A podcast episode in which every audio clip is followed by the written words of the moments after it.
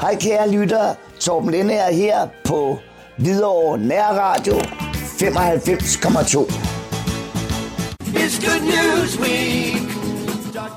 Velkommen til Hvidovre Nyt her på Hvidovre Nærradio. Per Skreiber er ved at være klar til dagens nyheder fra Hvidovre.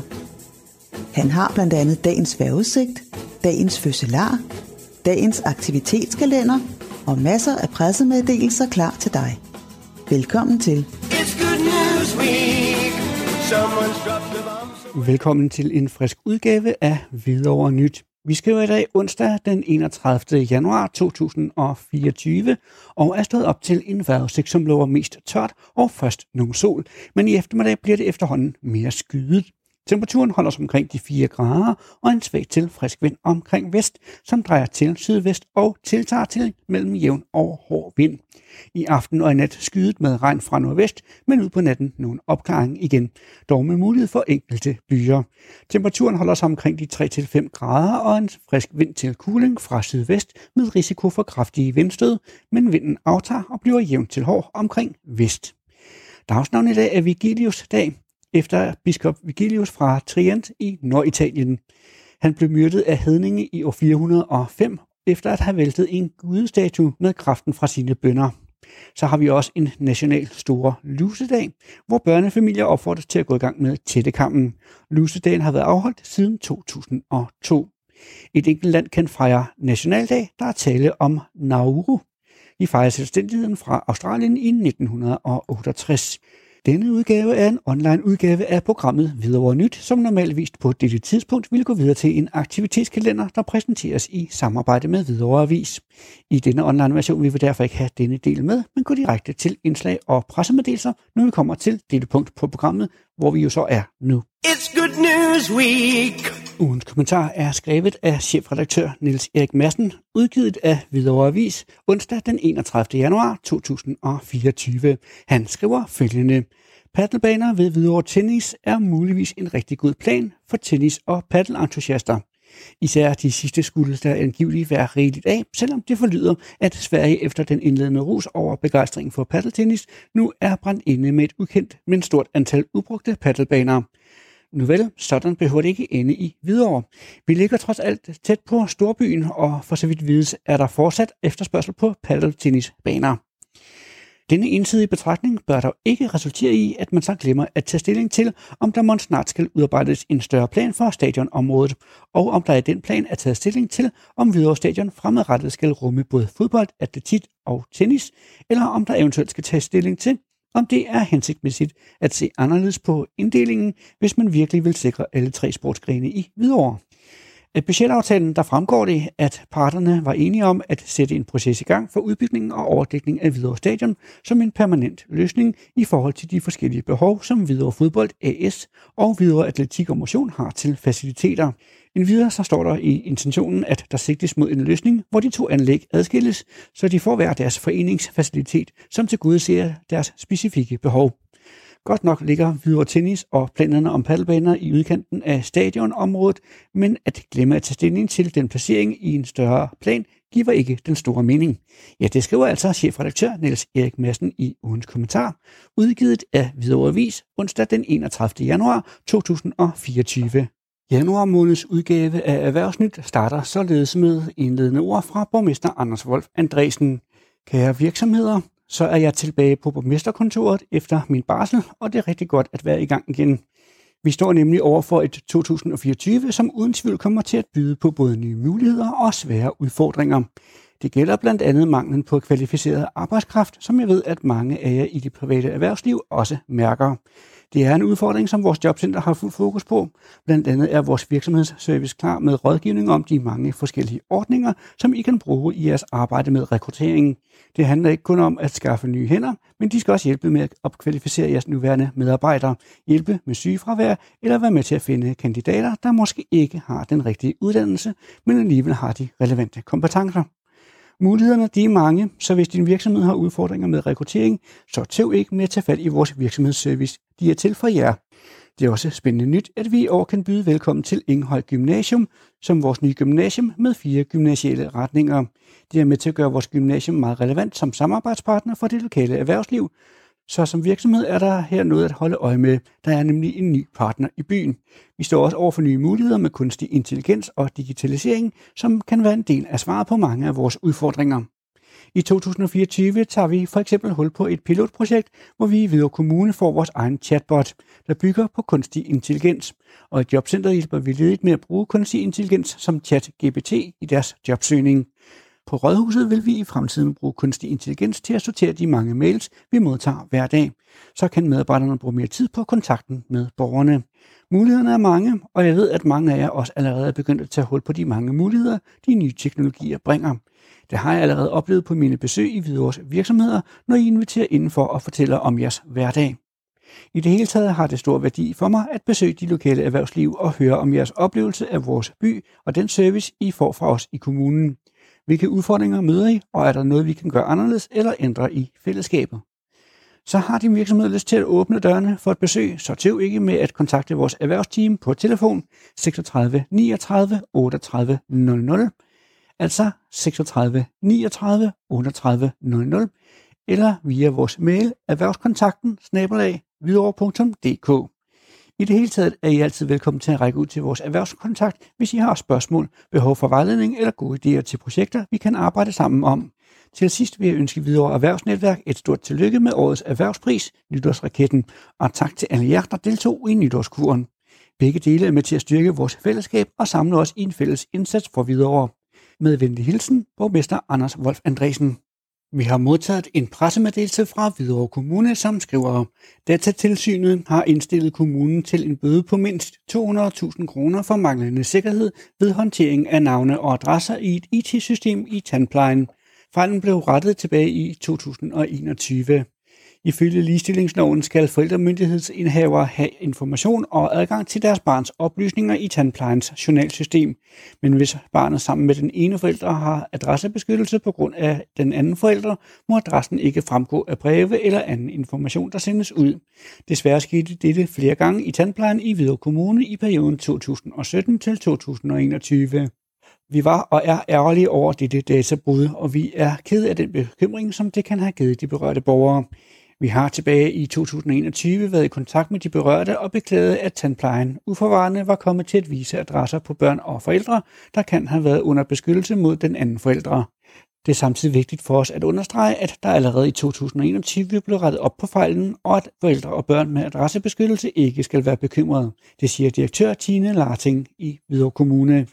Hun tilføjer, at Hvide Kommune ikke er bekendt med, at borgere skulle have været udsat for chikane eller fare som følge af databruddet i tandplejen i 2021.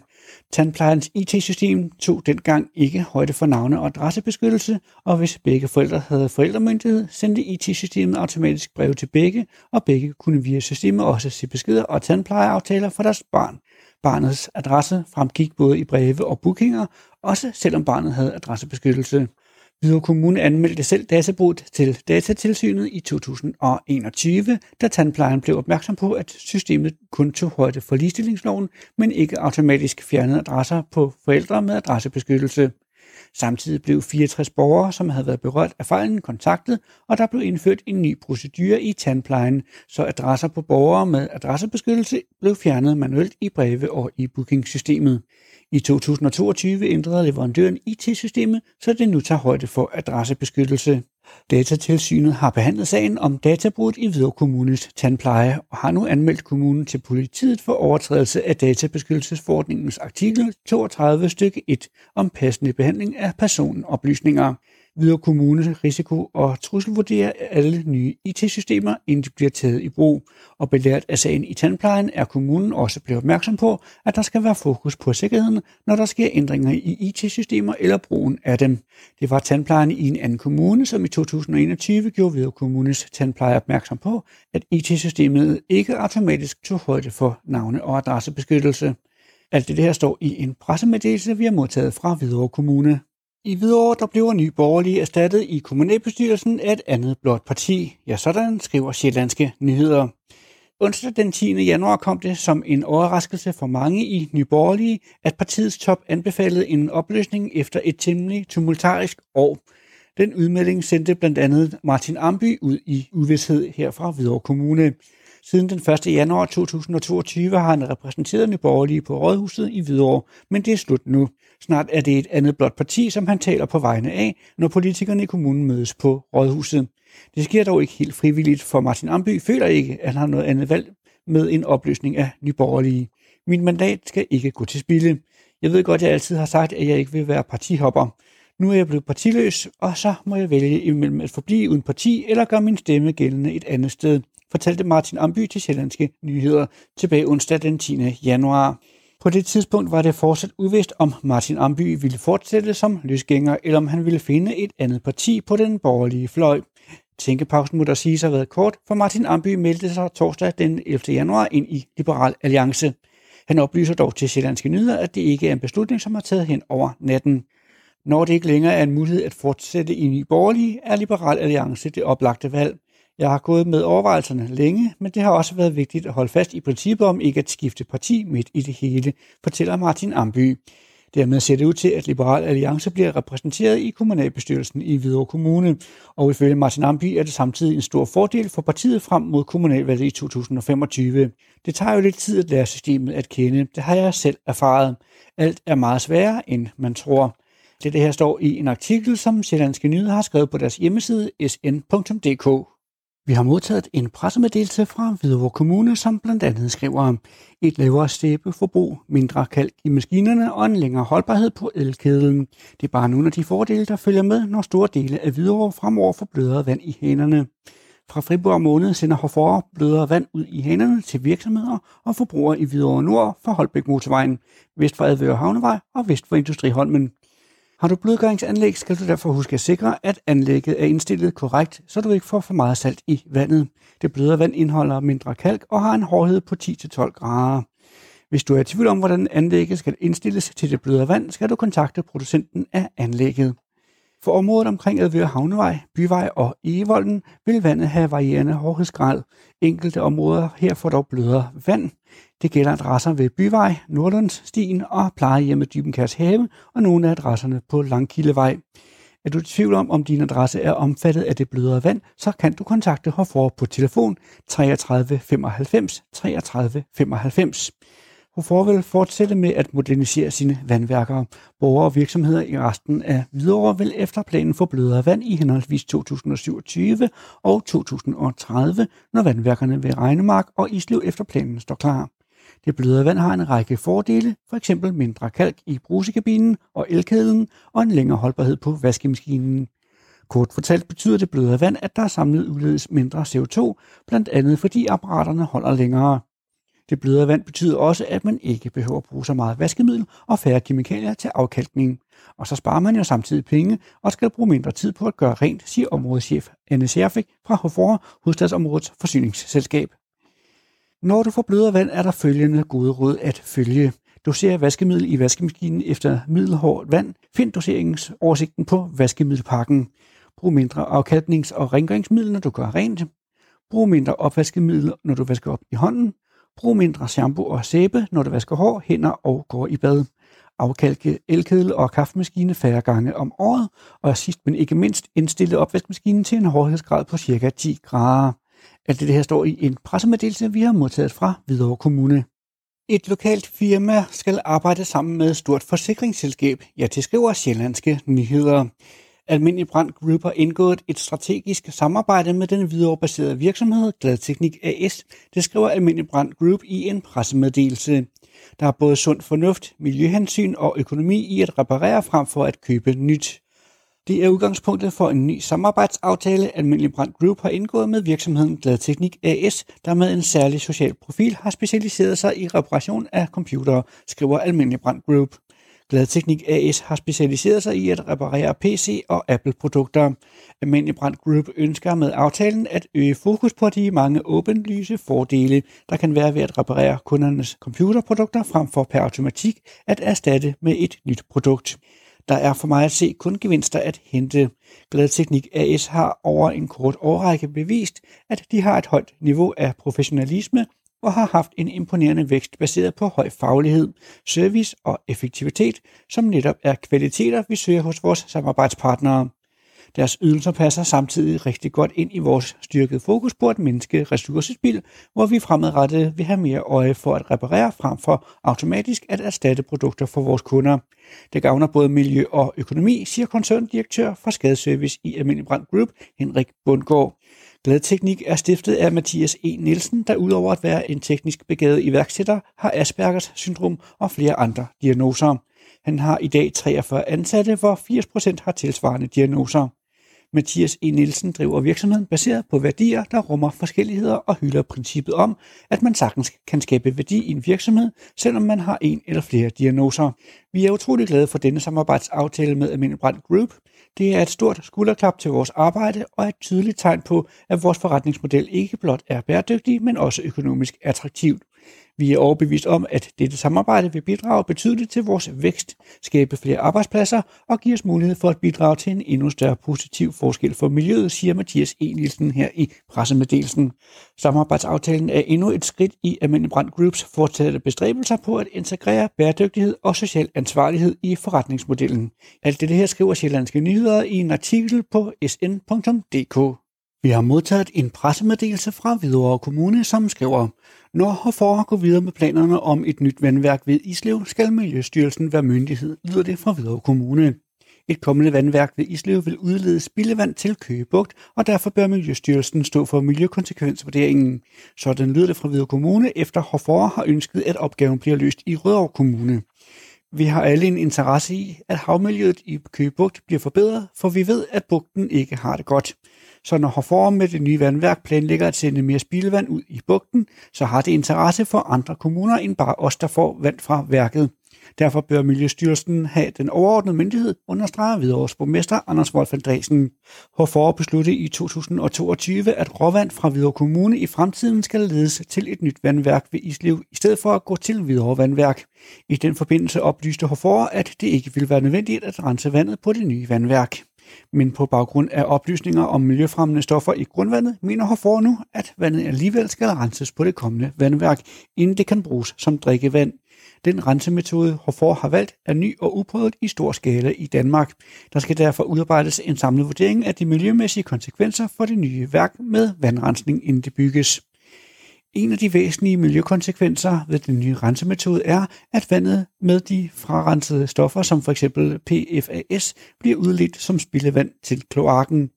Spildevandet sendes til Biofors renseanlæg i Adveøre, hvor der ikke renses for miljøfremmende stoffer som f.eks. PFAS, inden vandet sendes videre ud i Køgebugt. Derfor har udledningen international interesse, og derfor bør Miljøstyrelsen være myndighed, lyder det altså fra Hvidovre Kommune. Hvorfor opfører værket ved Islev som erstatning for værket ved Islev Bro, Esbevang Vandværk og Hvidovre Vandværk. Desuden vil de nye vandværk producere blødgjort vand til forbrugerne. Efter planen begynder byggeriet i 2025, og værket vil kunne levere vand fra 2029. Ja, alt det her står i en pressemeddelelse, vi har modtaget fra Hvidovre Kommune. Vi har modtaget en pressemeddelelse fra Rigspolitiet, som skriver, for høj hastighed, uopmærksomhed og aggressiv adfærd er bare nogle af de ting, landets skolepatruljer oplever, når de dagligt passer på deres venner ved skolevejene, og det er en adfærd, der skaber utryghed. Uge 5, som generelt er våd, kold og blæsende, har Rådet for Sikker Trafik døbt den sureste uge. Og med kampagnen vil de få flere til at vise skolepatruljer den anerkendelse, de fortjener. Hver eneste skoledag trækker frivillige skolepatruljeelever refleksvesten over hovedet og tager den selvlysende slikkepind i hånden for at passe på deres venner, når de bevæger sig til og fra skole. Rådet for Sikker Trafik sætter hele ugen fokus på skolepatruljernes arbejde, og langt størstedelen af landets politikredse bakker op om kampagnen ved at aflægge landets skoler et besøg i det tidsrum, hvor skolepatruljerne udfører deres vigtige arbejde. Rigtig mange skoleelever, inklusiv skolepatruljerne, oplever en utryghedsskabende adfærd fra andre trafikanter, som blandt andet kører for stærkt, ikke udviser det fornødende hensyn, som kræves omkring skolevejene, eller som har en direkte aggressiv adfærd over for dem. Det er et problem for trygheden på skolevejene generelt, at nogle trafikanter ikke viser hensyn, blæser på færdselsloven og samtidig udviser aggressiv adfærd over for de børn, som frivilligt har valgt at være skolepatrulje, og derfor sætter vi ind med kontroller i de fleste politikredse i denne uge. Det siger politiassistent Christian Bertelsen fra Rigspolitiets koncern Kommunikation. En undersøgelse lavet for Råd for Sikker Trafik viser, at godt hver tredje skolepatruljeelev har oplevet ubehagelige situationer, hvor voksne har opført sig hensynsløst. Rådet for Sikker Trafik har derfor sammen med deres samarbejdspartner fokus på problematikken. Børn efterligner voksnes adfærd. De observerer og genkender det, som er i deres omgivelser. De gør det for at lære, men også for at være ligesom de andre og for at være en del af gruppen. Derfor er det ikke helt uvæsentligt, at vi som voksne går foran som et godt eksempel og overholder færdselsloven, når vi færdes i trafikken. Når vi færdes i trafikken sammen med børn, så skal man huske, at de oftest afspejler sig i ens adfærd hvorfor vi som voksne altid bør tænke over, hvordan vi opfører os. For på den måde kan vi bidrage til en ordentlig og sikker trafikkultur og skabe et rum, hvor vi alle kan være trygge.